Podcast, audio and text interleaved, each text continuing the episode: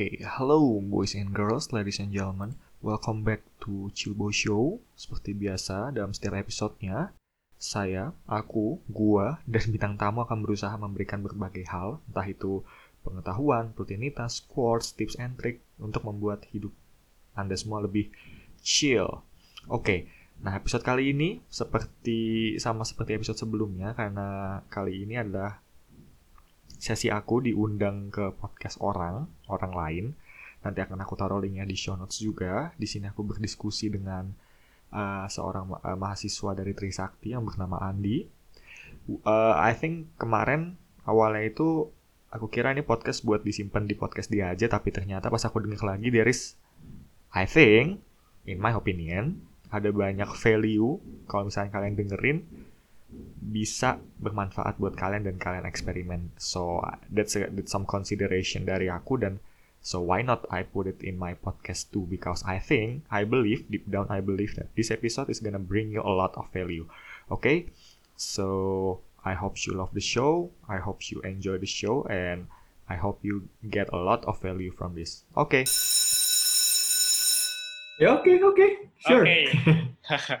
Jadi gue buka dulu ya. Halo, Assalamualaikum warahmatullahi wabarakatuh. Shalom, Om Swastiastu. Waalaikumsalam. Nama budaya. Jadi kembali lagi ke manifestasi Anomali. Sekarang seru banget karena ini adalah talk show pertama kali live streaming yang bisa ngelihat YouTube uh, secara langsung dengan uh, pembawa acaranya. Biasanya gue sama Dito, tapi hari ini Dito lagi nggak bisa. Jadi kemarin-kemarin kan mungkin uh, lu pada cuman dengar suara gue doang. Akhirnya lu bisa, ya nggak tahu ya muka gue mungkin lebih bagus atau lebih buruk daripada yang kalian bayangkan. Tapi ya inilah, mungkin ke depannya, karena kenapa gue bikin anoma, apa, Anomaly Talk ini, karena memang uh, harus ada yang baru lah. Dan juga di tengah pandemi ini kayaknya hal-hal uh, produktif ya hal seperti ini yang harus kita lakuin. Nah, bicara soal pandemi, pandemi hari ini kayaknya bagi beberapa orang ini bikin agak-agak stres ya, agak-agak stres, agak ya di rumah doang. Apalagi, eh, tapi ada juga yang secara mental juga kayaknya ya udah akhirnya gue bisa merasakan eh, apa namanya, bisa merasakan sendiri di rumah, bisa eh, me time dan lain-lain. Nah, makanya di episode pertama kali ini kita bakal ngebahas soal mental health. Nah, masalah mental health ini adalah salah satu pas banget dengan konsep manifestasi anomali. Jadi manifestasi anomali ini hmm. kalau gue bisa jelasin sedikit adalah gimana sebenarnya uh, penyampaian suatu hal yang sifatnya anomali. Kalau bahasa anomali itu penyimpangan. Jadi suatu hal yang kecil atau enggak ya bahasanya enggak tren di masyarakat, tapi sebenarnya butuh di sampaikan. Nah, untuk kali itu, dalam episode pertama kali ini, gue ngundang satu orang yang benar-benar experience dan expert banget nih. Please introduce yourself. yes, oke, okay, sure. Okay. Yes, thank you, thank you, thank you, thank you Andi. Gue manggil Andi apa siapa? Andi, nih? boleh, boleh, boleh. Andi, Andi ya? boleh Rahmat ya. Oke, okay, di. Oke, okay, Andi. Uh, jadi sebelumnya koreksi dulu ya. Gue bukan expert karena gue masih S1 ya. Nggak bisa dibilang expert karena yang expert dalam psikologi itu harusnya S2, profesi. Dan oke, okay, uh, eh, semua terima kasih atas kesempatannya Andi. Uh, perkenalkan, buat yang belum tahu aku, uh, aku gue deh, karena anak Jabodetabek ya. uh, gue Amran Aspiritia Putra, biasa dipanggil Amran. Dan uh, gue itu kuliah, kemarin kuliah di psikologi, jurusan psikologi, Universitas Diponegoro, dan alhamdulillah sudah menerima SKL sebelum pandemik, tapi sayangnya harus masih stay di Semarang karena udah kena lockdown duluan. Jadi uh, mungkin yang tadi Andi bilang di awal kalau misalkan apa lebih menikmati me time sendiri ya di Sismi karena udah uh, kuliah tuntutannya udah cukup kelar dan tinggal masih menunggu dunia kerja tapi karena pandemi ini juga jadi sibuk melihat ke dalam diri sendiri sih kayaknya. Maybe. Oke. Oke, that's it, that's it. Oke, okay, Amran. Jadi, gue manggilnya Amran ya? Hmm. Yes, yes. So, Amran, jadi gini. Bicara soal mental health. Uh, sebelum jauh hmm. ke sana, uh, eh, gue mau cerita sedikit. Jadi, gue kenal sama Amran ini uh, dari temennya temen gue, temennya temen gue yang waktu itu ngepost Instagram uh, account talknow.id. Before uh, kita jauh ke depan, please Amran, Hmm. can you explain what is talknow.id is? Apa sih talknow.id is? Itu apa? Oke, sure, sure. Jadi eh gue di sana itu, gini, secara garis besar Takno.id itu adalah platform, platform konseling online bagi yang di yang ditujukan bagi mahasiswa. Jadi Mas- let's say kita katakan rentang rentang waktunya itu eh sorry, rentang umurnya itu yang bisa konseling di sana adalah 18 sampai 22 tahun. Karena kita di situ konselornya bukan profesional tapi ke eh, peer konselor eh, konselor sebaya kayak misalkan gue umurnya 22 berarti nanti yang ngekonseling gue umur 22 karena eh, menurut gua yang gue pelajari juga di psikologi selama itu konseling sebaya itu nggak masalah karena permasalahannya masih ya masih bisa di apa ya masih bisa ditanggapi sama yang seumuran atau mempunyai konteks masalah yang sama. Nah, terus juga Takno ID itu masih dalam proses eh, sesi konselingnya, cuma yang kita masih udah jalanin sekarang itu adalah lebih ke eh, memberikan awareness mental health awareness lebih tepatnya kepada masyarakat sekitar melalui eh, Instagram. Karena main main apa main tools kita di Instagram. Dan uh, dari postingan, dari snapgram, dari email newsletter setiap minggu rencananya dan setiap uh, apa setiap minggunya uh, berusaha untuk selalu mengadakan IG live, Instagram live yang uh, mengundang seseorang yang menurut kami itu bisa kami ekstrak suatu cheat hack apa hacknya hacknya dalam men- me- apa ya menghadapi permasalahan di dalam diri mereka ke kesehatan mental mereka kayak gitu sih dan ini platformnya adalah punya Amanda Margaret bukan punya aku aku di sana itu uh, sebagai apa ya nyebutnya ya uh, kalau di BEM tuh kepala bidang let's say kepala bidangnya human resource-nya jadi yang ngatur uh, peer counselor-nya yang menjaga kesehatan peer counselor-nya Oke, Gitu sih. that's nice. Jadi sebenarnya keren banget ya, karena lu kebetulan jurusan psikologi dan bisa melakukan satu hal yang berdampak kepada orang-orang sebelum lu lulus Yes. berarti ya. That's nice. Oke, dari Uh, tadi yes talk- yes yes jadi mental health.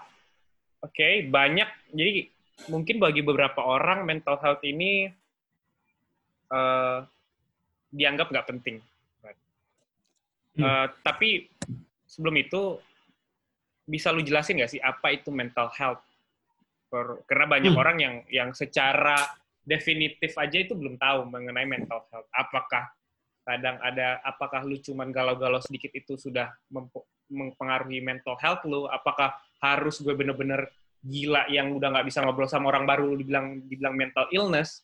Bagaimana? Uh, Oke, I see. Jadi uh, kalau mental health ya gini, kalau physical health itu kan kita bisa lihat dari tubuh kita ya, entah itu ki- misalkan kalau orang yang kurang sehat bisa dikatakan mungkin kelihatannya lemes atau uh, overweight, let's say ya, misalkan kayak gitu. Kalau mental health nih, yang menarik dari mental health itu adalah ki- cuma kita doang yang sebenarnya tahu uh, kita itu lagi sehat mental apa enggak, dan orang lain tuh cuma bisa ngerasain. Tapi rasa-rasa ini kan sensing ya, nggak ada nggak ada wujudnya gitu loh. Walaupun kelihatannya dari ekspresi orang yang misalkan mental health lagi buruk. Nah, makanya yang menarik nih, gue selama empat tahun kemarin di psikologi itu jadi kayak gini.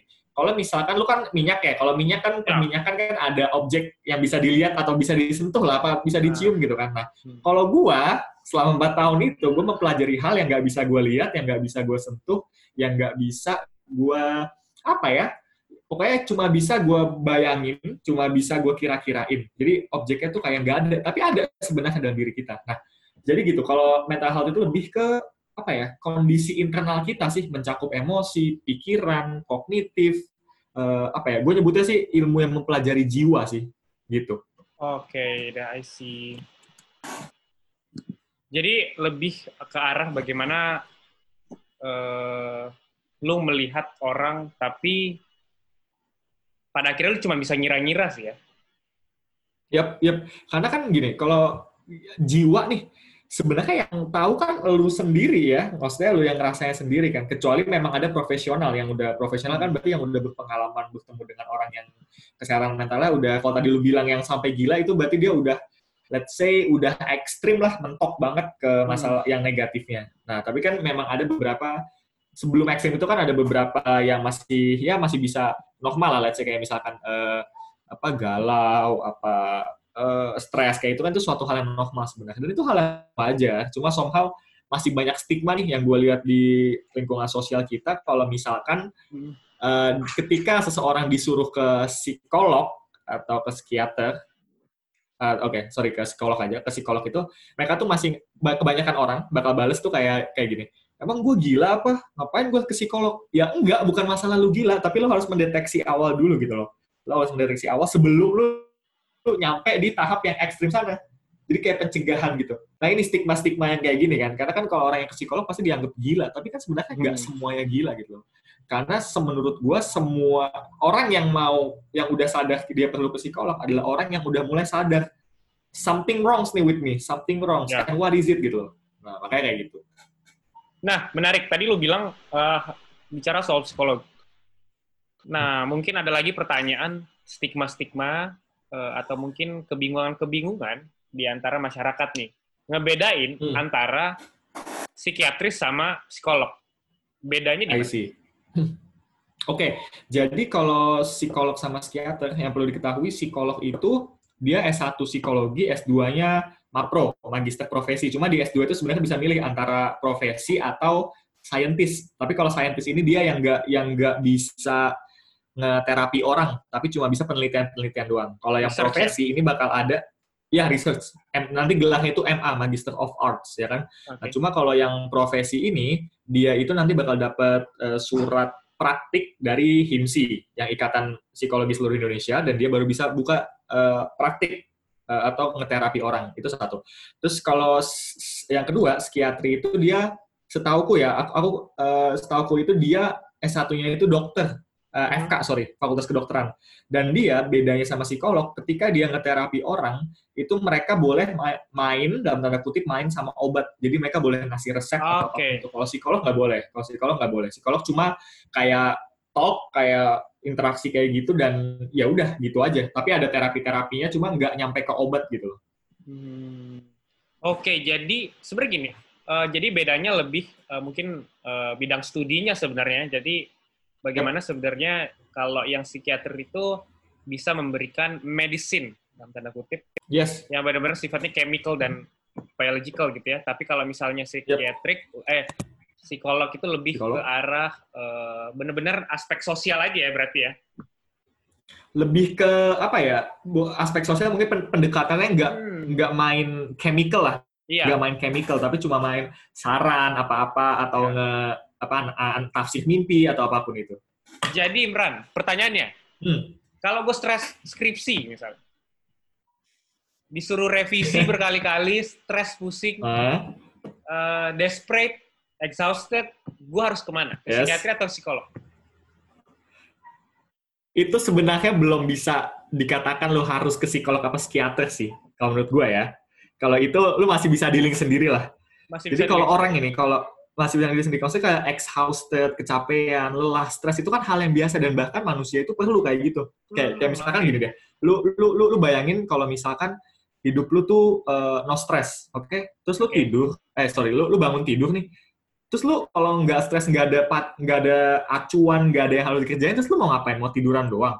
Kayak kalau gua sih, kalau gua pribadi, gua ngebayangin ya kayak gue deh setelah skripsi ini, gua kira skripsi setelah skripsi ini gue bakal tenang, ternyata malah makin cemas karena gue bingung mau kerja di mana, mau gini gimana, apa yang gue kerjain. Jadi ketidakpastiannya kan makin banyak. Nah, hmm, jadi okay. balik lagi ke pertanyaan lo, kalau misalkan tadi kasus lo itu, itu masih bisa lo dealing sendiri sebenarnya, oke? Okay? Tapi nggak semua orang memang uh, sepositif yang gue bilang lah bisa bisa menghadapi hal itu. Nah, uh, jadi kalau psikolog, yang ke psikolog ke psikiater nih, kayak misalkan ya, kasus ekstrimnya itu adalah self harm, oke? Okay? Self harm okay. dan dia uh, ngerasa uh, depresi atau mungkin ekstrimnya lagi borderline. Borderline personality itu kayak dia borderline kan bahasa Indonesia bahasa Indonesia ambang kan. Berarti kayak misalkan dia seneng nih tapi tiba-tiba langsung breakdown langsung tiba-tiba langsung self harm langsung depres nah itu yang udah ekstrim dan dan ketika yang udah ekstrim kayak gitu memang harus udah ke psikolog. Menurut gue gini yang gue tertarik ya dari fenomena yang gue hadepin juga adalah banyak Oke, okay, uh, eh, gue ngeliat ini random thing sebentar sih kayak gue kan ngobservasi ngeliat teman-teman gue kayak gitu kan. Kayak ada kebanyakan mereka itu perilaku yang menurut gue tuh nggak nggak baik sebenarnya buat kesehatan mental kita yaitu uh, disebutnya self diagnose apa ngediagnosis diri sendiri ya kan? Okay. kayak gini uh, lu pasti udah nonton Joker kan? Udah sudah sudah. Joker kan? Dan kalau gue lihat ya apa anomali ya nggak oh, anomali nggak pokoknya kayak uh, keadaan di lingkungan itu kan kayak ketika seseorang setelah Joker keluar nih terus gue lihat ramai banget di Twitter tuh kalau misalkan wah anjir gue depresi wah gue antisosial wah gue stres, wah gue kayak joker. Jadi kayak somehow mereka itu langsung ngediagnosis kalau dia depresi gitu loh. Tapi ada salah satu penyakit dari uh, penyakit di psikologi yang gue pelajari itu namanya psikosomatis. Jadi penyakit ini adalah sebenarnya kamu itu nggak sakit, tapi karena kamu ngira kamu sakit, kamu jadi oh, sakit. Okay, nah, okay, ini kan okay, udah, okay. Ada, ada mindset gitu kan. Jadi kayak misalkan kalau Joker tadi, wah gue depresi nih. Nah sebenarnya lu tuh nggak depresi, cuma karena lu mikir depresi, lu jadi depresi. Bisa bisa lo kayak gitu. Nah ini yang apa yang perilaku yang menurut gue apa ya something kalau di generasi kita ya let's say sesuatu hal yang cool apalagi kalau anak-anak cool kan anak-anak edgy ya kan anak-anak yang uh, apa yang apa ya gue bisa bilang terlalu meromantisasikan feeling depresnya dia gitu loh ke sosial media I, I think it's it's not bukan berarti gue ngejudge cuma I think it's not uh, I'm not recommended lah ketika lu stres apa segala macam tapi lu malah ngupload itu ke media sosial. I think ya, I think ya, this is my subjective ya, this is my subjective thing sih. Kayak kayak, kayak gitu sih. Makanya maksud gue gini kayak, kayak misalkan lu tadi bilang uh, stres skripsi apa segala macam gitu ya. Menurut gue kalau misal uh, ada saatnya ketika lu emang perlu bantuan, tapi jangan setiap saat lu butuh bantuan, ngerti gak? Jadi emang okay, terkadang lu harus facing it, facing it dulu kalau misalkan memang nggak kuat, baru lu minta bantuan ke temen lo apa gimana. Jangan tiba-tiba ketika ada masalah langsung, eh sorry bantuin gue dong, eh, ah, itu itu lu bakal susah nanti strategi nge-coping. Kalau gue nyebutnya nge-coping stresnya susah. Kayak gitu sih. Karena iya itu menarik banget yang masalah Joker. Banyak temen gue, yeah. banyak temen gue yang sifatnya nonton Joker terus pengen jadi stres-stresan karena mereka mikir kalau being Joker is cool gitu. Jadi menjadi Joker hmm. itu keren.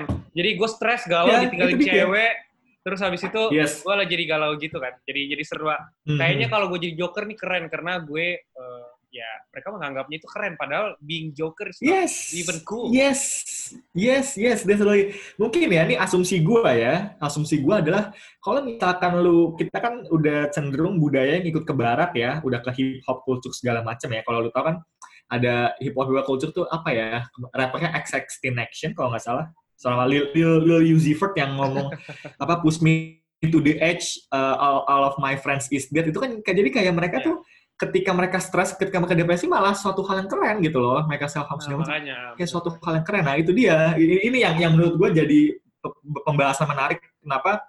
Generasi kita angkatan kita itu uh, lebih fragile terhadap masalah mental health ini sih. Kalau lu lihat sekarang juga di media sosial kayak yang lagi up banget konten tuh tentang mental health nggak sih? Kayak itu udah jadi komoditas kalau gue lihat sih ya. Nah itu dia sebenarnya. Jadi banyak, nah sebenarnya kan masalah stigma ini. Pada awalnya stigma mengenai ketika mental health tidak dipedulikan, karena tidak mendapatkan hmm. exposure yang baik oleh masyarakat, itu menjadi sangat buruk. Yes. Tapi kondisi hmm. hari ini, bukan gue nggak mau ngebahas stigma hari itu, karena hari ini stigma itu udah hmm. berbeda. Karena stigma itu udah pindah sekarang, jadi hmm. over over exposure. Jadi yes, penangkapan yes, mengenai yes. Uh, mental health ini jadi dijadikan yang gue lu bilang tadi komoditas. Jadi seakan-akan yep.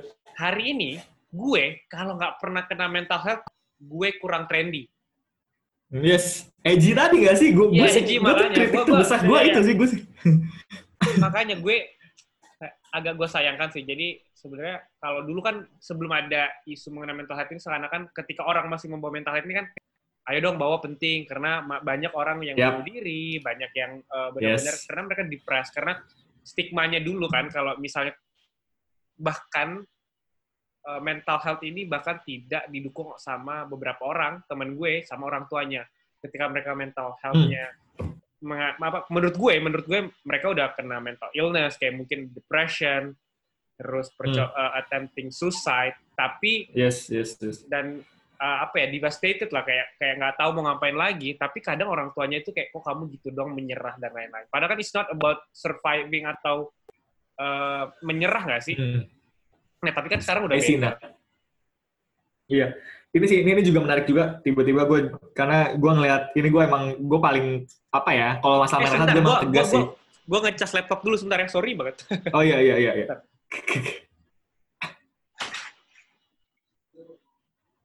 There you go. Sorry, Oke. let's go.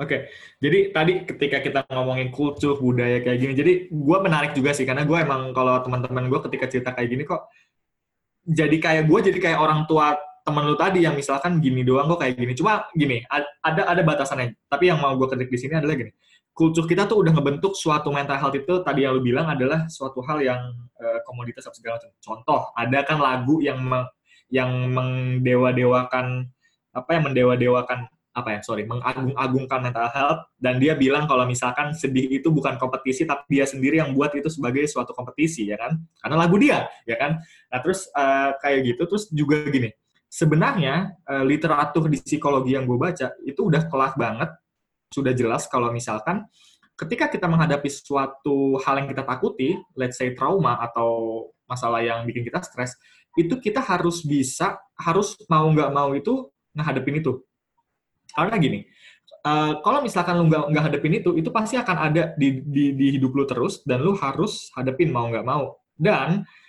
lu harus hadapin itu sendiri eh, voluntarily, mau nggak mau. Dan cara yang terbaik adalah ketika ada suatu masalah besar nih, lu harus nge-breakdown, nge-breakdown jadi suatu hal yang kecil yang bisa lu achievable di hari itu juga besok apa pun itu pokoknya lu harus mulai dari kecil dulu, jangan langsung gede ketika gede nanti dia langsung bakal breakdown. Nah, makanya tadi kalau menurut gua yang gak realistis dari teman orang tua lu tadi itu, memang karena gini, eh, generasi orang tua kita sama kita kan udah beda banget ya. Kita mengatasnamakan liberalisme, let's say, mengataskan mengatasnamakan kebebasan. Kalau orang tua kita kan nggak, mereka kan di zaman yang bisa gue katakan eh, oppress ya, so, eh, Cukup konservatif mau nggak ya. mau lu harus kayak gini. Yes, lebih ke konservatif, I see. Nah, terus pa- pas di situ juga kan eh, karena mereka udah mereka ngerasain itu dan menurut mereka nih anak gue kok lemah banget. Ya nggak masalah tapi emang eh, itu kayak kritik setiap generasi gitu loh. Pasti generasi yang dulu pasti akan bilang generasi setelahnya itu lu lemah banget sih. Gue dulu kayak nggak kayak gitu. Gue dulu tuh kayak gini loh saya bersyukur. Ya benar cuma konteksnya beda. Nah jadi ada saatnya di mana memang kita harus push diri kita memang benar harus push diri kita cuma memang ada saatnya kita harus istirahat. Jadi menurut gue saran yang pas adalah gini eh, it's okay to take a break but need but that but it's not okay to stop for chasing something that you want to chase gitu loh. Kayak gitu Oh, makanya emang oke, harus emang harus agak agak agak apa ya mendapatkan suatu hal tuh emang harus realistis dan stres di kalau menurut gua kalau depres depresi itu udah lebih ekstrim ya. Kalau stres, kalau pusing kayak gitu it's still it's still good, it's still good, it's still good for us. Bahkan kita butuh gitu loh. Makanya itu dia yang menarik. Eh, yang gue pertanyain lagi, sebenarnya gini. eh, feno- jadi itu sebenarnya sebuah fenomena ya ketika misalnya lu nganggep bahwa ya gue ngerasain sih kayak misalnya gue ngomong ke junior gue misalnya zaman gue tuh kayaknya lebih susah daripada zaman lu terus eh, Yap. nanti pun senior senior tuh pasti bakal ngomong jangan gue lebih susah lah daripada lu lu udah enak sekarang jadi itu sebuah fenomena Hmm. sebenarnya Yep. oh I see Cuma cu- cuma gini, kalau misalkan itu kan gini, kalau gua, kalau di gua kan psikologi kan kaderisasinya nggak terlalu keras ya, bisa gua katakan dibandingin sama teknik ya, ya kan Oke. udah beda. Nah, jadi sebenarnya yang yang yang menarik dari kaderisasi ini, ketika gua uh, having conversation sama anak teknik itu, yang mereka mau kenapa mereka dalam tanda kutip keras, karena lingkungan kerjanya memang lebih keras dan memang harus disiap dipersiapkan kayak gitu. Nah, Hmm. kalau di psikologi kan memang nggak terlalu lah, karena memang kita harus lebih memahami manusia. Nah, cuma di sinilah ketika generasi lebih muda ini kayak mengatasnamakan liberalisme kebebasan gitu loh kayak ya gue kan manusia bebas ya gue yang ngutusin gue nah ini ini yang salah ketika lu terlalu bebas ya masalah gini hidup ini bukan lu doang di dunia ini Ya. lu tuh nggak sendiri gitu nah kalau kayak gitu kalau lu hidup sendiri deh kalau lu mati nanti nih kalau lu mati nanti lu bisa ngubur diri lu sendiri lu boleh egois deh. Tapi sekarang Ya. pertanyaannya nggak akan nggak nggak bisa. kayak gitu. Dan dan dan, dan, eh, apa nge, nge- ngelengkapin lagi kalau tadi yang siklus kaderisasi kayak gitu adalah gini. Terkadang kita harus tahu dulu yang ngekader ini misalkan senior ya itu dia niatnya emang mau ngekader mau ngebentuk karakter apa mau pelampiasan karena dendam dulu dia dulu dia Ya. di di di kader sama ini lebih keras. Nah ini yang harus circle yang kayak gini yang harus diputus gitu loh. Iya nah, benar-benar. itu yang yang apalagi eh, itu menarik banget sebenarnya. Nah, yang mau gue bahas lagi sebenarnya gini, Ran. Jadi bicara soal hari ini kan banyak banget eh, orang-orang eh, agak susah nentuin. Kayak bahkan gue sendiri agak sulit menentukan kayak tadi. Apakah tadi gue uh, apa ya namanya stres kuliah aja gue bilang langsung ke psikiat uh, psikolog Mhm. atau emang butuh ap- eh, suatu hal misalnya apakah karena gini karena gue nggak tahu kayak misalnya kan beberapa yang gue tahu mental illness itu ada beberapa hal ada yang misalnya kayak bipolar Hmm. disorder ada yang misalnya yap, yap. ya dan lain-lain lah nah contohnya bipolar Hmm. disorder kan gini kayaknya orang yang bipolar Hmm. pak- nggak bakal nyadar nggak sih kalau dia itu bipolar dan gimana cara dia nyadar Hmm. dan dia harus dilapo eh, ke psiki psikolog Psikolog atau psikiater gitu ya. Ah, ah. dan Oke, dan jadi dan menurut Hmm. gue hari ini stigma hari ini pun masih sama sih kayak gue punya mental health gue untuk karena beda nih masalah mental gue Hmm. punya mental health eh mental illness sekarang mungkin orang udah agak sombong eh, udah bukan sombong bahasanya udah lebih berani lah lebih berani eh, keluar bahwa I had a mental illness walaupun ada yang iya ada yang juga enggak nah pertanyaan yang Hmm. nah tapi tetap ke psikolog maupun hari ini sudah Hmm. pindah maknanya ke psikolog tuh tetap deh pasti dianggap orang gila Mhm, mhm. Oke, gimana? jadi gini, kalau eh, kalau misalkan kayak apa, jadi kayak kayak kita pengen eh, draw the line ya, kapan kita harus ke psikolog, kapan kita harus enggak. Jadi kalau lu mau going deep, sebenarnya gini, eh, lu boleh baca di Halo Dokter atau di mana pun itu, kalau misalkan suatu penyakit, let's say tadi konteksnya adalah obsesif, eh, obsesif kompulsif, sorry, tadi apa borderline, borderline, borderline itu, itu kan ada simptom-simptom tertentu ya. Nah, setahu gua dalam pendiagnosisannya lu akan bisa bi, lu akan bisa di di label atau lu beneran borderline itu ketika lu memenuhi tiga dari lima simptom yang tersedia gitu loh. Hmm. Nah, ketika lu baca, ketika lu baca ini, menurut gua dari sini oke ketika lu ngeliat dan lu ngerasa lu, diri lu ngerasa kayaknya gua masuk ke simptom ini deh.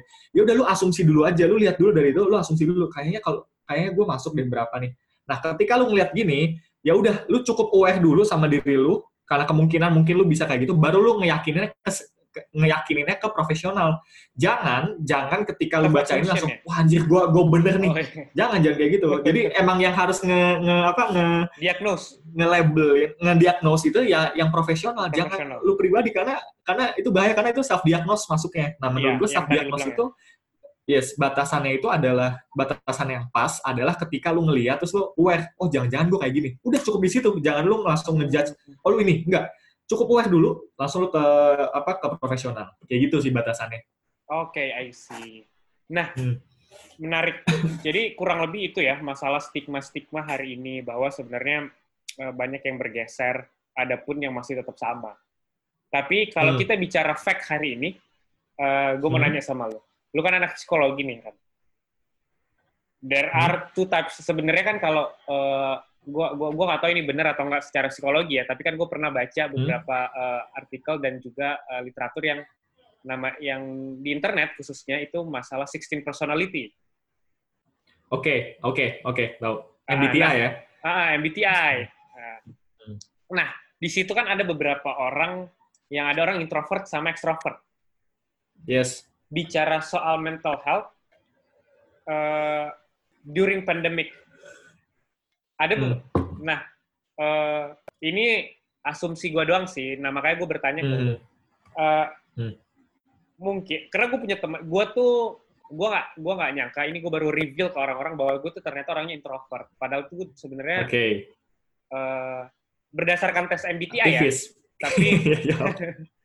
eh, nah, tapi gue punya teman itu yang orangnya Hmm. extrovert banget deh, yang beda banget sama Hmm. kayak gue.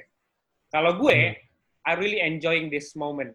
Gue sangat Hmm, seneng banget. Gue bisa di sini, gue bisa ya gue interaksi sama orang, tapi ya lu tau lah kalau mungkin kalau gue nggak tahu ini benar atau nggak, tapi kan kayak introvert itu Hmm. bisa ber eh, apa namanya, bisa bersosialisasi kok, eh, tapi sebenarnya eh, mereka butuh waktu sendiri. Dan gue merasakan dan lu mengambil energi itu ketika lu lagi sendiri. Nah, gue Hmm. I feel that energy gitu. Gue gue bener-bener wah enak banget sendiri. Gue bisa baca buku, gue bisa eh, mungkin eh, main game dan lain-lain. Tapi beda nih sama teman gue. Dia orangnya ekstrovert banget. Yang bahkan gini, gue kuliah di Trisakti.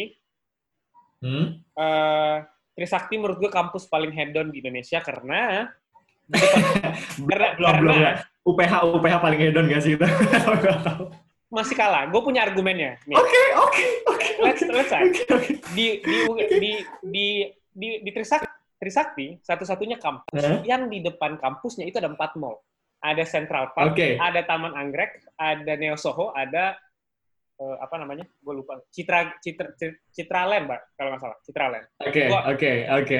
Nah, ada teman ada teman gue, ada teman gue yang ekstrovert banget yang bahkan Hmm? kayaknya satu hari minimal dua kali ke mall. Mungkin pas lagi kelas, sisa-sisa kelas, atau Oke. enggak, misalnya kelas jam 7 sampai jam 10, terus ada lagi jam 1, jadi ya udah deh kita lunch di uh, Lunch di mall aja. misalnya. iya gitu. Terus habis itu selesai kelas nih, mungkin uh, habis itu udah cabut pulang ke Hmm. pulang ke kosan, selesai selesai, aduh gabut nih, gabut nih ke mall ah atau enggak ke ini atau enggak mereka suka beraktivitas atau enggak kayak aduh gua nggak bisa banget nih sendiri di uh, kosan gitu. Nah, gimana? Ada nggak sih be- kayaknya be- ada nggak sih bedanya orang uh, introvert dan extrovert pengaruhnya ketika pandemi kayak gini, yang di mana uh, orang ekstrovert biasanya itu uh, gua nggak bisa banget diem atau nggak minimal gue harus jalan-jalan ke mall atau gue nggak tahu itu kebiasaan ya, tapi kan ini asumsi Yap, yap, gue. yap. Hmm. Gimana menurut lu? Hmm. Oke, jadi gini, perlu diketahui ya, MBTI itu adalah tes yang sebenarnya diciptakan dan paling tidak dipercayai di dunia psikolog. Itu satu, oke? Karena yang yang ngebuat tes itu sendiri adalah bahkan dia yang ngebuat tes itu, dia itu adalah eh, bukan psikolog. Teori dasarnya psikolog, tapi bukan psikolog. Jadi kan MBTI kan singkatan Myers-Briggs Test, ya kan? Eh, inventory, ya kan? Nah, Myers-Briggs ini setahu gue dia fisikiawan, pokoknya teknik atau apa gue lupa. Nah, tapi gini, teori dasarnya dari itu adalah teorinya Carl Jung. Oke, ini eh, tokoh yang tokoh yang influensional banget di dunia psikolog.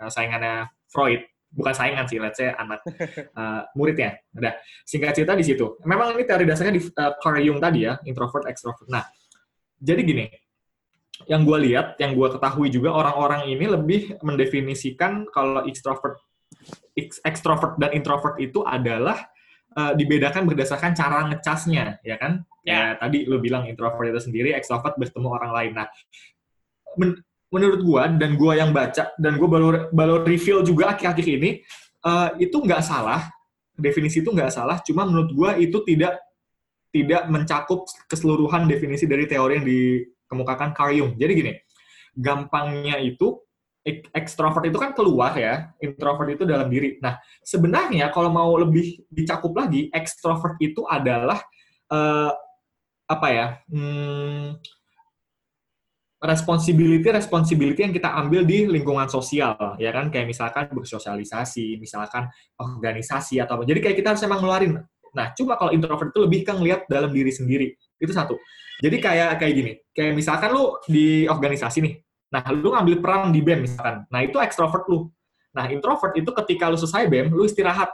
Lu meditasi lu baca buku apa apa lu refleksi diri kayak gitu. Nah ini jadi di Carl Jung itu teori akhirnya adalah individualisasi atau menjadi individu seutuhnya itu adalah ketika ekstrovert dan introvert ini tuh seimbang.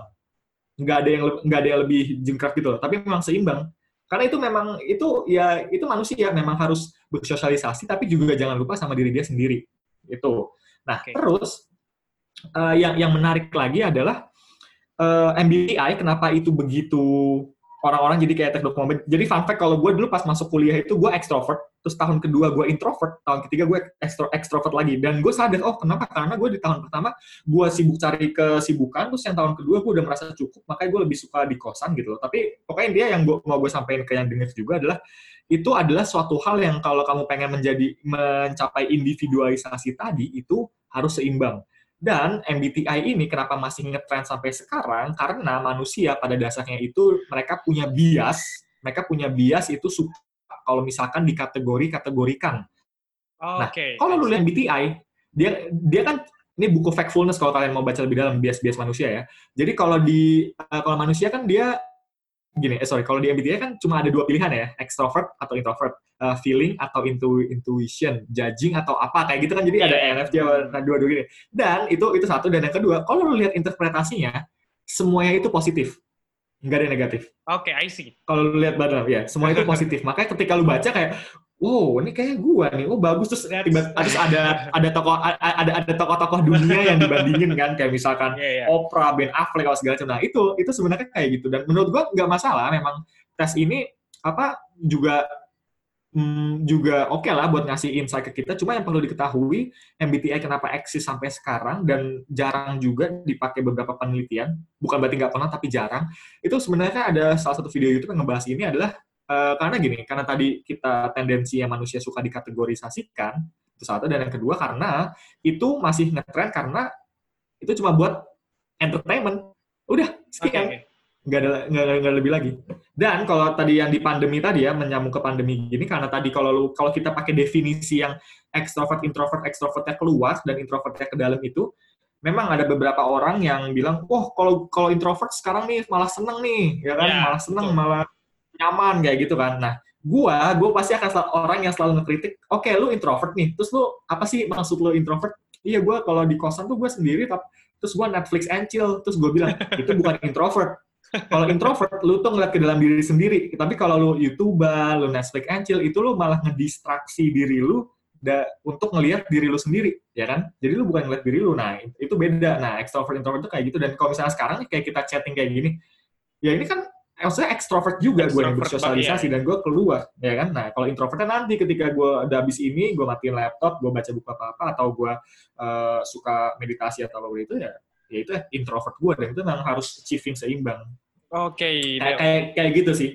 oke, oke, oke. Jadi banyak sebenarnya banyak eh, pemikiran gue nih yang sebenarnya salah banget. Tapi gini, Ya that's that's that, that- that's why we have a dialog kayak gini kan. Ini ini gua gua gua gua, gua menarik sih kayak, kayak misalkan tadi lu membawa konservatif kan. Jadi kayak menurut gua lu aware juga sama dunia politik Amer- dunia politik Amerika terutama liberal konservatif kanan kiri itu ya. iya. Jadi ini ini ini buat buat buat buat pengetahuan orang yang ini aja ya yang ngedengar random juga tapi menurut gua suatu pengetahuan yang valuable. Jadi gini, kan di sana lagi eh, keras banget ya isu free speech apa dialog atau berdiskusi Mhm. kayak gini Hmm. dan di, di dunia kampus pun juga kita sering berdiskusi. Cuma yang yang salah adalah gini, ketika kita berdiskusi, kita itu harus tahu tujuannya apa. Tujuannya itu bukan menang atau kalah, bukan nyari benar atau yang salah, tapi lu berdiskusi antara liberal atau konservatif, ya intinya pandangan yang berbeda ini, lu cari kebenaran yang kontekstual saat sekarang, benar yang kontekstual. Nah, ini yang yang yang, Yang gua relevan dengan kayak- hari ini gitu ya. Yes, yes, yes. Kayak, kayak misalkan ini kan berarti, lu kan berarti dalam tanda kutip bukan kalah, cuma lu mengakui, oh berarti gue salah ya. Nah, oke, berarti gue nggak salah yang benar, dan sekarang lu berarti punya pengetahuan yang benar. Nah, ini sebenarnya dialog yang yang menurut gue udah agak hilang sih di, di, di dunia organisasi, karena gue dulu juga sempat di organisasi juga. Random, random, tapi itu sih. Talks. Keren. Makanya sebenarnya, wah sebenarnya sebenarnya gini, banyak banget sebenarnya pengen gue bahas. Hmm. Ini udah agak keluar konteks, cuman nggak apa-apa. Ini podcast punya gue, Hmm. jadi ya terserah gue dong mau ngebahas apa. Iya, iya, iya. Jadi gue gak menipu orang juga nih. Cuman ada satu hal menarik. Mumpung gue ketemu kayaknya eh, calon psikolog yang handal, ada pertanyaan gue nih yang Insya kemarin gue catat. Hmm. Hmm. Belakang ini, belakangan ini, kan muncul nih gelombang-gelombang besar orang yang percaya, percaya dengan teori konspirasi. Nah, Nah. fucker. Gimana Gitu, ya. eh, Oke. fenome- fenomena di masyarakat? Jadi sebenarnya eh ini sebenarnya teman gue yang nanya. Jadi gimana? Jadi Hmm. bagaimana? Jadi gini, gorang gorang sorry, sorry. Belakangan ini Hmm. kan muncul gelombang besar orang-orang yang percaya dengan teori konspirasi. Nah, Hmm. gimana psikolog meninjau fenomena ini di masyarakat? Jadi bukan bahas benar atau salahnya teori konspirasi ini.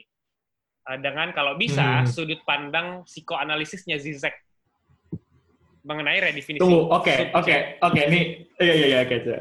Oke, udah, udah pertanyaannya? Sudah. Udah, oke.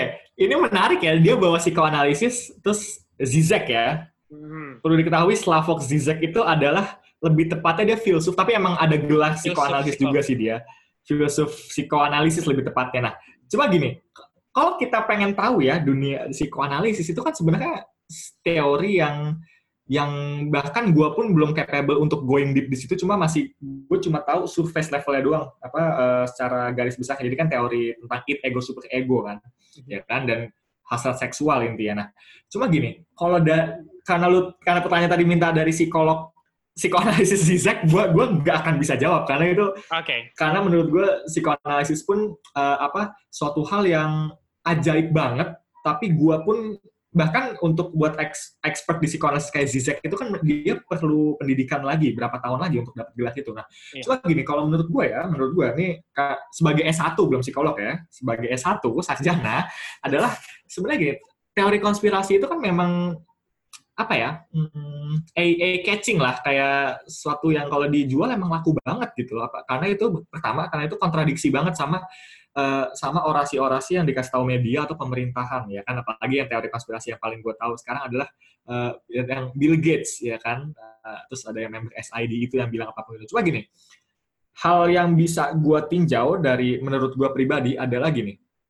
Eh, ketika lu tahu teori konspirasi itu dan terus lu masih mau ngelupain fakta di lapangan kalau misalkan banyak orang yang meninggal banyak eh, apa apa apa. Karena ini sebenarnya kompleks banget sih ada politiknya kah Amerika Cina kah atau apa. Cuma gue kayak gue paling berpegang teguh sama fakta lapangan aja. Banyak orang yang meninggal dokter lagi yang meninggal. Apalagi ada yang bohong terus karena karena pasiennya bohong di Semarang tuh pasiennya bohong 10 dokternya kena virusnya kan. Nah itu kan suatu hal yang tuh masih mau percaya konspirasi terserah lu deh. Tapi ini fakta loh sampai sampai nge, me- apa memba- me- membuat korban lah korban jiwa. Nah jadi kayak gitu sih. Dan, dan gue menariknya kalau lihat dari penyebaran corona ini adalah ini sebenarnya ngelatih kita banget untuk self disiplin sama diri kita sendiri sih kayak Iya.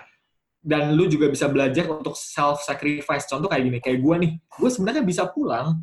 Bahkan se- sebenarnya gue bisa pulang sebelum Pak Jokowi itu melarang mudik. Gue sebenarnya masih bisa pulang. Cuma gue memilih untuk tetap di sini karena gue takut jadi carrier. Itu kan self sacrificing ya Nah, dan lu juga sebenarnya secara psiko, secara internal lu juga belajar di situ. Kalau misalkan eh, apa namanya eh, disiplin lah introvert lu apa disiplin itu. Jadi kayak lu harus coba nih sekarang. Nah menurut gua ketika kayak, kayak, kayak kita sekarang nih karena kita banyak dunia banyak di kosan itu kan berarti banyak free time. Dan kita bingung. Ya. nah sebenarnya ini adalah saat yang pas ketika lu ngadepin diri lu sendiri. Kalau psikoanalisis kalau tadi pertanyaan tentang psikoanalisis psikoanalisis itu percaya kalau misalkan ada dalam diri kita unconscious unconscious kita itu adalah sesuatu yang tidak bisa kita kendalikan. Tiba-tiba dia meledak aja atau apa pun itu. Itu di luar kendali kita. Nah kalau mau psikoanalisis, gue paling suka ketika psikoanalisis ini ke tahapnya Carl Jung, tapi dia masuknya ke neo-Freudian sih. Jadi kayak psikoanalisis tapi lebih lebih expand, ya kan? Aha. Jadi yang kalau lu mau mendalami psikoanalisis, si Jung ini bilang kayak gini. Kita itu kalau misalkan pengen jadi individualisasi tadi, kecuali introvert, se- selain extrovert introvertnya itu seimbang, kita juga harus memahami diri kita sepenuhnya. Dengan apa? Dengan memahami shadow kita. Oke, shadow kan bayangan ya. Nah, ini ini dalam diri kita nih, subconscious kita. Shadow ini adalah sesuatu hal, ini yang gua parafrase ya, sesuatu hal yang perilaku lu atau tindakan lu yang sebenarnya itu mungkin tidak diterima secara norma sosial, memalukan atau apa pun itu, cuma itu bagian dari diri lu, tapi lu menolak kalau itu bagian dari diri lu. Nah, itu kita harus menerima tuh. Nah, ketika lu sendiri kayak gini, sama shadow lu, eh, sama lu diri lu sendiri, lu harus tahu shadow lu yang mana nih. Nah, ini da- dan dan gini, kalau misalkan ngomongin ini bakal panjang sih, cuma worth it to uh, to get through it. Jadi kayak Jung itu bilang kalau misalkan hmm, Gini, jadi kan ada heaven ada hell ya kan, ada heaven ada hell. Nah, sebenarnya kalau misalkan kita ngedefinisiin kalau orang awam sekarang, oh sorry orang awam, semua orang tuh ngedefinisiin heaven itu yang di surga di atas sana ya kan, ada tempatnya di sana. Cuma hell tuh di bawah di bawah lah underworld neraka kayak gitu. Tapi sebenarnya ya kalau mau going deep secara makna psikologinya adalah heaven itu adalah state psychological state kita kayak misalkan lu berhasil ngegapai sesuatu apa misalkan gua habis sidang itu kan heaven banget buat gue seneng gitu loh. betul, betul. Nah kalau hell, hell itu lebih ke kayak lu ketika lu nggak bisa ngapa-ngapain, merasa dunia ini kejam banget, merasa lu nggak punya kontrol, depres, nah itu hell. Nah yang menarik dari Jung dia tuh bilang kayak gini, kalau misal bayangin kalau lu pengen mencapai suatu heaven, heaven itu di atas sana, dan bayangin diri lu itu adalah pohon, oke? Ketika pohon ini mau ke atas, mau mencapai heaven, otomatis kan pohon ini harus punya akar yang dalam ya. Nah, jadi makanya menurut dia itu kalau lu pohon tinggi tapi akarnya masih pendek, ya pohon ini akan jatuh. Cuma kalau misalkan akarnya makin dalam, pohon ini, ini makin kuat. Jadi maknanya itu adalah bayangin lu manusia itu kayak pohon. Nah, Oke. sebelum lu sebelum lu naik ke heaven, lu itu harus mendalami diri lu, bawah lu, hell lu, Oh, shadow lu, lu harus tajemin dulu di situ. Baru lu bisa achieve ke heaven. Nah, kayak ini tuh suatu pesan tersirat secara arketip ya, namanya arketip. Kayak pesannya tuh kayak ya lu harus menderita dulu, harus berjuang dulu sebelum lu dapat enak. Oh, Oke. sebelum oke, lu dapat enaknya. Nah, mak- mak- maknanya tuh di situ dan itu ide yang Menarik powerful banget. Keren, keren, keren, keren, keren. Hmm. Tapi eh, menurut lo, eh, Hmm. Ran, bicara Hmm. soal eh, mental awareness, eh sorry sorry sorry, bentar, videonya Hmm. mati. Nah bicara soal mental awareness, eh, Hmm. eh, mental health awareness sorry, Eh, Hmm. dengan teorinya Carl Jung tadi mengenai eh, Hmm. heaven dan hell, dan eh, gimana ya, gue bahasanya? ya? Eh, bicara soal mental health, mungkin nggak sih kalau eh, kita sebagai misalnya kita diagnose eh, sebagai ment- eh, kita mengidap mental illness, mungkin Hmm. itu bipolar ataupun yang lain-lain. Nah, yang mau gue tanyain, eh, apa yang akan eh, kita alami ketika eh, tadi kan yang lu bilang hal itu ketika kita tidak me- apa justru kita keadaan keadaan ketika pemikiran kita itu lagi hancur banget bahasanya gitu ya Yap, yap, yap, yap, yap. Hmm. dan bicara dan tadi di awal kita juga eh, udah bicara soal penanganan dan lain-lain mungkin kalau secara penanganan secara teknisnya kan mungkin itu harus expert banget ya ataupun mau dijelasin Yap. agak panjang nah apa Hmm. apa efek parahnya ketika lu dapet men, eh, diagnose sama profesional mental illness tapi lu nggak menda- pertama kondisinya tidak Hmm. mendapatkan perawatan yang eh, baik yang kedua Hmm. kondisinya benar-benar tidak mendapatkan eh, perawatan dan yang ketiga tidak mendapatkan perawatan tapi Hmm. justru ditekan sama sosial lo karena mungkin kondisi ketiga ini agak berbeda karena mungkin kayak misalnya eh, berperilaku kan agak berbeda ketika lu dapat mental illness lu jadi sering diam sendiri ataupun lain-lain tapi justru lu malah dapat Mhm. tekanan sosial. Nah kira-kira dari ketiga ini lu bisa nggak jelasin satu-satu apa yang bakal terjadi ketika lu dapat mental illness dan dengan tiga kondisi yang berbeda ini? Hmm, Oke, so tadi tadi yang yang, yang pertama apa? Di? Lu gak uh, diagnose tapi lu nggak mendapatkan eh, apa namanya tidak mendapatkan eh, perawatan yang baik. Kayak contohnya gue kemarin sempet Hmm. eh, ini eh, Amanda itu gue dan lu juga kan gue sempet nonton juga videonya di eh, eh, Hmm. TEDx Undip Yap, yap. Eh, dan Amanda itu yang gue lihat eh, bahkan dari segi profesional pun yang sudah menanganinya Hmm. dan dia dibilang kan didiagnos bahwa Ya. sebenarnya dia seeking for attention gitu kan Iya, iya, iya, itu iya, iya. oleh Caper lo profesional gitu ya.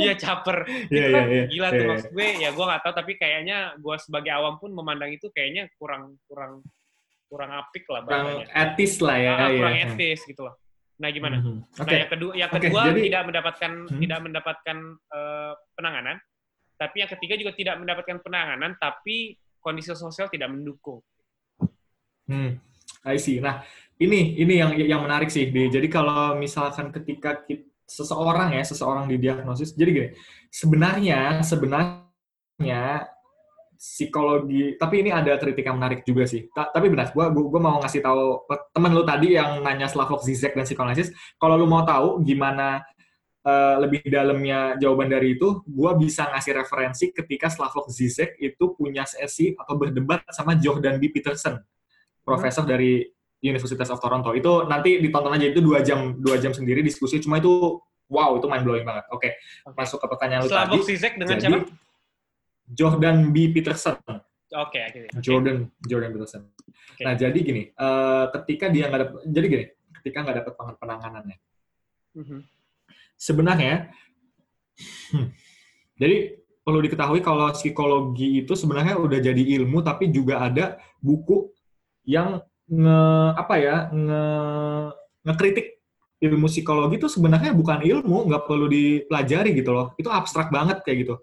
Eh, nama pengarangnya Sezes apa siapa gue lupa. Nah di situ dia kayak gitu. Cuma gue juga agak beberapa psikolog pun juga sebenarnya kalau lu lihat pribadi ya secara kacamata bolong gitu kayak masa lu terapi nih terus lu ngomong doang terus bisa ngubah diri lu kan kayak gitu kan. Nah cuma memang gue orang yang percaya sebenarnya gini kita tuh memang menurut gue pribadi ya kita tuh nggak perlu obat buat sembuh gitu loh. Kita memang bisa karena kita main di mindset aja sebenarnya.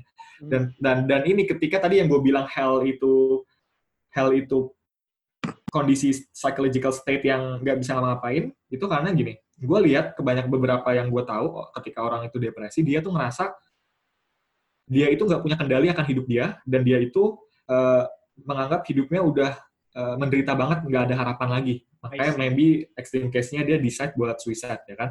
Nah tapi kalau karena gue juga sempat ketika gue belajar psikologi, gue psikologi standalone kayak kurang kuat. Gue juga, juga tiba-tiba mendalami sejarah agama, Buddha, eh, Hindu, Kristen, atau apa pun itu. Terus gue juga jatuh di filosofi, filsuf, dan segala macem. Gue menemukan suatu ide, konsep yang menarik banget kalau misalkan, ini out of context bentar, jadi Buddha kan bilang life is suffering, basically life is suffering. Dan ternyata emang benar secara archetype tuh life is suffering. Dan tadi pertanyaan lu tadi, kalau misalkan orang itu nggak sadar, ketika dia apa sorry orang itu didiagnosis dan dia nggak dikasih pertolongan ya. Iya. Ya itu itu bakal susah banget karena dia nggak akan tahu mana yang sehat mana yang diteri mana yang normal mana yang abnormal oh, ya kan? okay, okay, okay. nah sebenarnya kalau mau ngomong normal sama abnormal ini kalau misalkan kita kita ini kan normal nih ya kan Cuma kalau misalkan lu na, misalkan lu ke FSD rumah sakit jiwa, pasien rumah sakit jiwa akan nganggap lu abnormal, mereka yang normal. Benar, benar. Karena itu kan lingkungan, ya kan? Karena itu lingkungan. Nah, ini nyambung ke pertanyaan ketiga nih. Nah, menurut gua kalau misalkan lingkungan lu pressure, itu saran yang paling praktikal dari gua adalah tinggalin. Tinggalin. Lu cari temen, lu cari temen yang bisa menunj yang mau the best, mau lu jadi the best version of yourself Jangan lu nyari temen yang ngedrag lu terus buat suatu hal yang ya suatu hal yang uh, impulsif, instant gratification lah let's say. Karena itu kadang-kadang boleh, cuma kalau keseringan nggak baik kan. Eksesif itu suatu hal yang nggak baik. Nah, itu jadi kalau misalkan lu ada lingkungan sosial kayak gitu, kalau tetap tapi sorry tadi pertanyaannya adalah ketika lingkungannya nggak mendukung ya, pressure-nya ah. gede ya, itu adalah ya itu kenapa kenapa banyak yang orang mental health itu jadi decide to suicide karena mereka nggak mendapatkan dukungan sama sekali. Dan sebenarnya orang tuh cuma butuh sedikit aja dorongan sedikit aja dorongan buat mereka tuh thriving gitu loh. Okay. kayak apa ya? Kayak misalkan nih kalau lu, lu main Twitter nggak sih? Main main main. Main Twitter kan? Jadi gini gue banyak ngelihat temen gue ketika dia itu galau apa stres apa gitu mereka pasti sering nge-tweet langsung kan ya kan? Nge-tweet tentang apa perasaannya randomly kayak gitu. Menurut gue ketika mereka nge-tweet itu mereka itu sebenarnya tadi kalau kata yang dia Amanda itu seeking attention dan tapi yang gue lihat dari Twitter nggak ada orang yang nge-reply atau nge-chat nge dia di line apa di WhatsApp dengan screenshot tweetnya. Kalau gue, alasan gue main Twitter itu adalah gue itu pengen ngeliat temen gue yang galau apa-apa, terus gue screenshot tweetnya, terus gue langsung reach dia. Kenapa? Ada yang bisa gue bantu nggak? Nah, tapi nggak tahu. Gue ngelihat sejauh ini orang nggak ngelakuin hal kayak gitu gitu loh. Jadi okay. mereka ketika temen ketika satu orang ini ngesambat, lihat saya nyambat, yang satu juga nyambat tapi nggak ada yang ngebantu satu sama lain gitu loh. Nah ini yang yang yang yang hilang. Nah tadi kalau misalkan nggak dibantu, nggak didiagnosis, terus nggak dibantu sama profesional, nggak dibantu sama sosial itu kayak, damn, you lost man, you lost. Sumpah itu itu losing banget dan dan, dan ini menarik kalau kita tarik kasusnya pada endingnya mereka akan decide buat uh, suicide. Perlu diketahui banyak temen gua yang berusaha untuk menolong temennya yang udah mulai punya suicidal thoughts, oke? Okay? Yang udah pengen bunuh diri. Tapi saran dari dosen gue yang paling gue inget sampai sekarang adalah ketika ada teman kamu yang berpikiran untuk bunuh diri atau pengen ngelakuin bunuh diri, jangan sekali-kali kamu mencoba untuk membantu dia terus-terusan. Tapi kamu langsung arahin ketika kamu tahu teman kamu kayak gitu, kamu langsung kasih tahu orang terdekat mereka, significant other. Maksudnya bukan pacar, tapi bisa fisik ke orang tua atau ke saudara atau apa pun itu. Karena ketika kayak masih konteksnya kita ya, masih masyarakat awam ini, ketika worst case-nya adalah uh, adalah dia ngelakuin bunuh diri, itu adalah beban yang gak akan bisa kita tanggung. Karena itu karena suicide itu adalah sesuatu yang menular, oke? Okay? Ketika nanti worst case-nya dia temen itu seseorang yang ngelakuin suicide, nanti lu lu akan bertanya, aduh, I wish aku harusnya harusnya gue dengerin dia lebih lama harusnya gue di sisi dia terus harusnya gue main sama dia terus harusnya gue bisa ngecegah dia harusnya harusnya harusnya nah semakin beban itu ada di lu nah itu malah lu malah kemungkinan besar malah jadi stres dan mungkin bisa ber, berending up sama dia sama kayak dia kayak gitu dan ini kalau misalnya pemahaman kayak gini kita mau going deep lagi ya pasti akan nyampe ke perdebatan kayak karena tadi gue bilang sebenarnya kita bisa sembuh sendiri nah, terus gimana kalau misalkan orang depresi yang ngekonsumsi antidepresan Hmm. ya kan pakai obat udah ke psikiater. Nah, gua bukan berarti gua anti depresan, ah sorry, bukan gua uh, menolak kalau orang ketika sakit mental health pakai obat enggak, tapi anti depresan itu kan berfungsi banget ya, udah scientific proven juga maksudnya bikin. Nah, jadi pilihannya kayak gini nanti.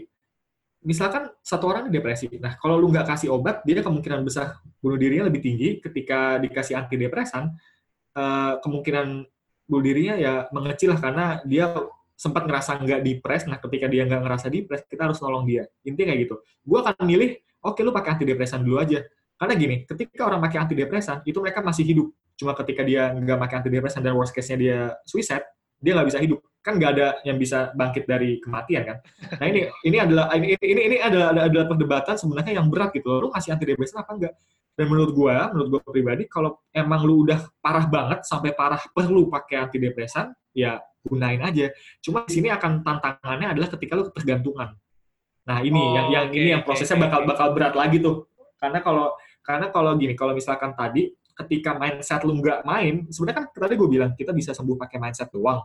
Cuma kalau misalkan memang internal lu udah kacau, ya lu harus dibantu sama eksternal, entah itu lingkungan hmm. sosial, psikiater atau obat. Nah, di sini yang bahaya nih karena eksternal ini kan nggak abadi ya hal-hal yang misalkan nih obat ini obat ini mahal kan terus lu nggak punya uang tiba-tiba terus lu nggak bisa beli dong. Wah udah tuh lu langsung kayak orang yang kecanduan narkoba kayak gitu kan ketika dia nggak punya yeah. uang dia akan ngelakuin apa pun. Nah ini dia yang salah ketika kita bergantung sama suatu hal di luar diri kita. Okay. yang eksternal tadi sebenarnya ah, sebenarnya itu menarik hmm. banget yang bicara soal uh, di dalam diri sendiri. Gue sempet baca banyak hmm. uh, eh, gue banyak banget uh, baca buku mengenai yang sifatnya teori-teori uh, subconscious atau nggak alam bawah sadar yang di mana yep, sebenarnya yep. penting banget subconscious itu yang uh, ngebahas yang mungkin dari teori bukan teori ya mungkin apa namanya neuro linguistic program jadi sebagai bagaimana oh, iya, iya. pentingnya NLP, ya. hmm.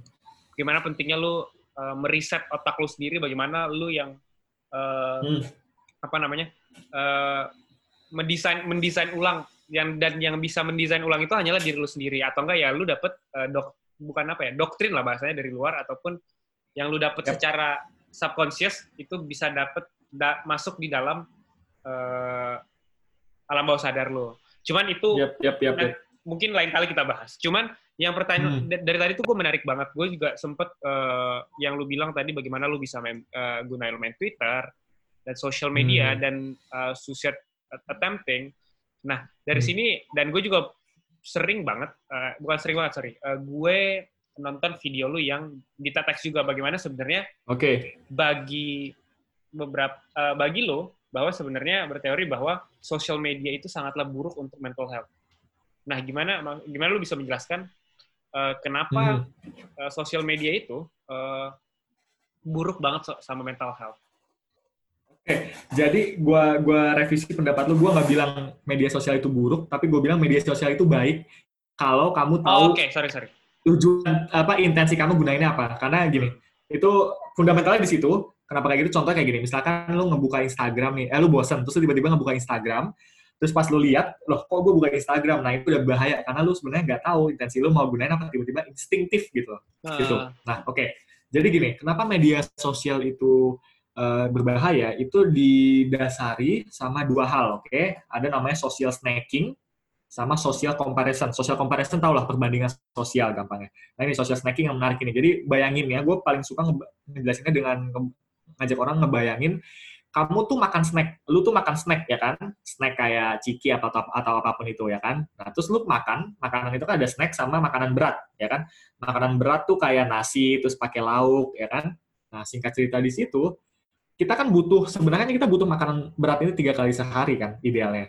Nah di sini itu adalah eh, kalau sosial jadi makanan berat ini adalah komunikasi kita secara face to face interaksi dan ini sebenarnya eh, krusial buat diri kita buat manusia. Nah cuma social snacking ini adalah interaksi kita di dunia media sosial. Nah ketika lu makan snack kebanyakan tapi nggak makan nasi, itu kan bikin sakit kan, karena ada micin oh, karena iya, apa iya, segala macam, ya kan? Nah, ini ya yang yang buruk social snacking ini ketika kita mengganti makanan lauk kita sama snack ini.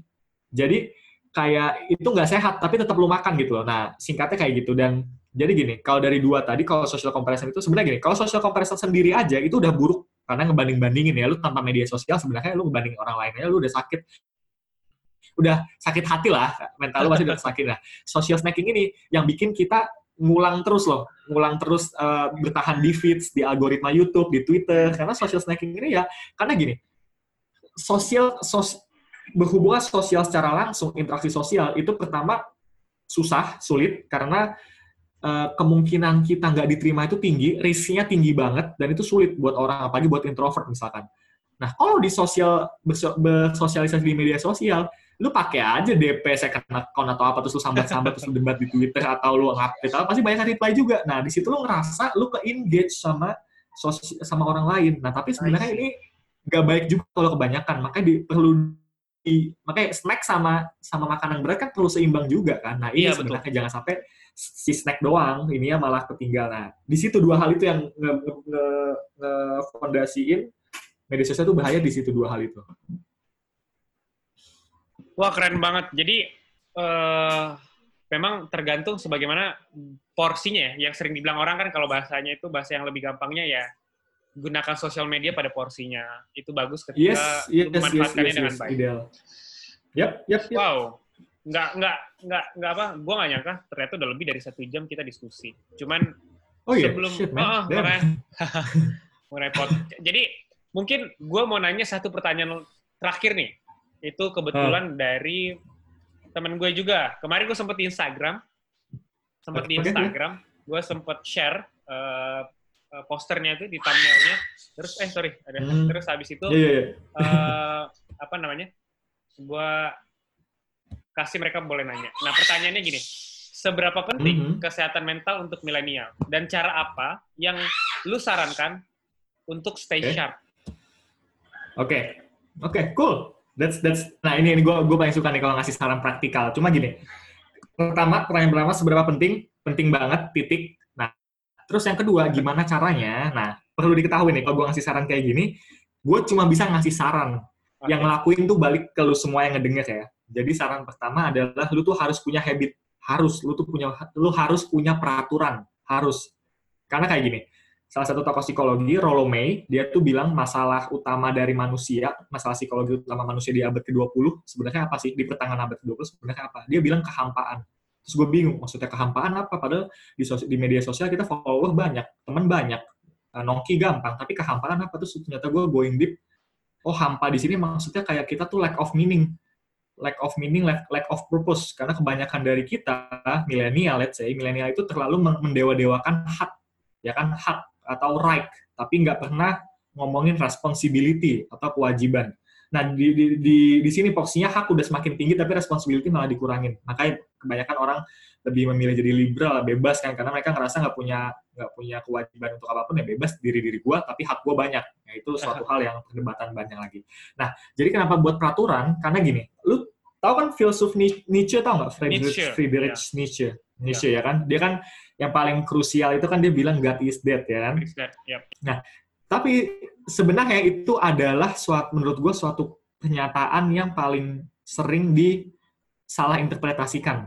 Jadi intinya, oke okay, dia memang bilang God is dead, cuma maknanya itu adalah kenapa God is dead karena semakin ke depan dia ngeramalin dia ngeramalin kalau manusia tuh akan ngelupain Tuhan karena udah ada scientific proven lebih ke hal-hal scientific kayak gitu. Hmm, nice. Tapi sebenarnya maksud dia di situ adalah kita itu karena Tuhan udah hilang nanti, kita itu harus bisa nentuin value-value atau nilai kita, nilai-nilai kita sendiri. Nah, hmm. oke. Okay.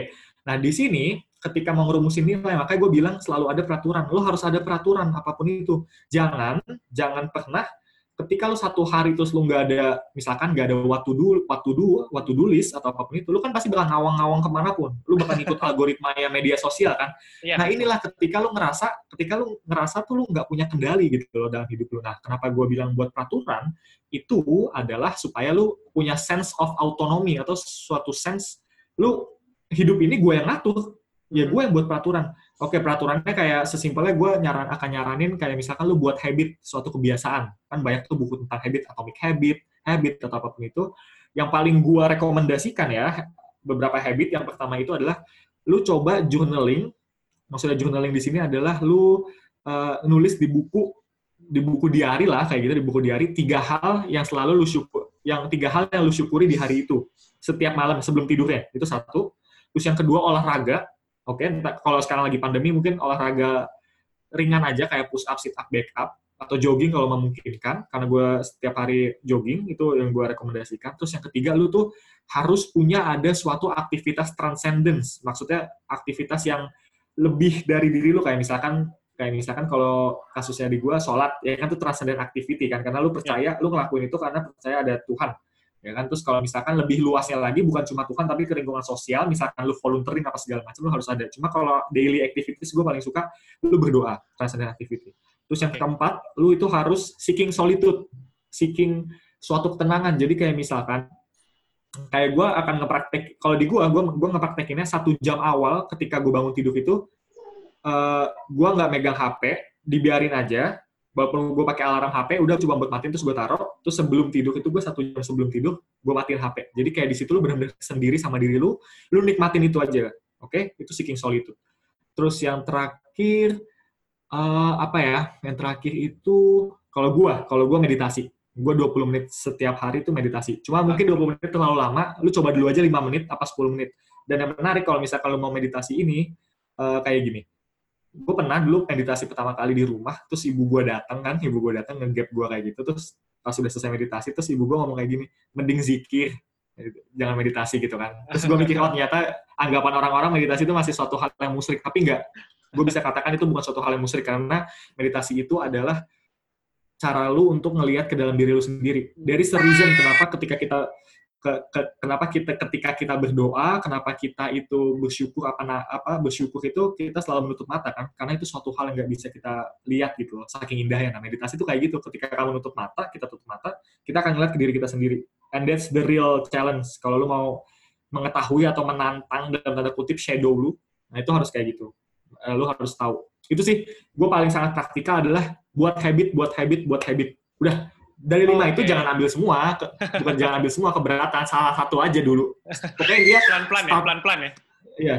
Kayak kayak apa? Kayak intinya adalah start small, tapi konsisten. Jangan start big. Karena kalau start big, gue yakin lu bakal lu bakal kalah itu seminggu apa lima hari apa. Cuma start small tapi konsisten. Itu saran praktikal sangat gue sarankan sih.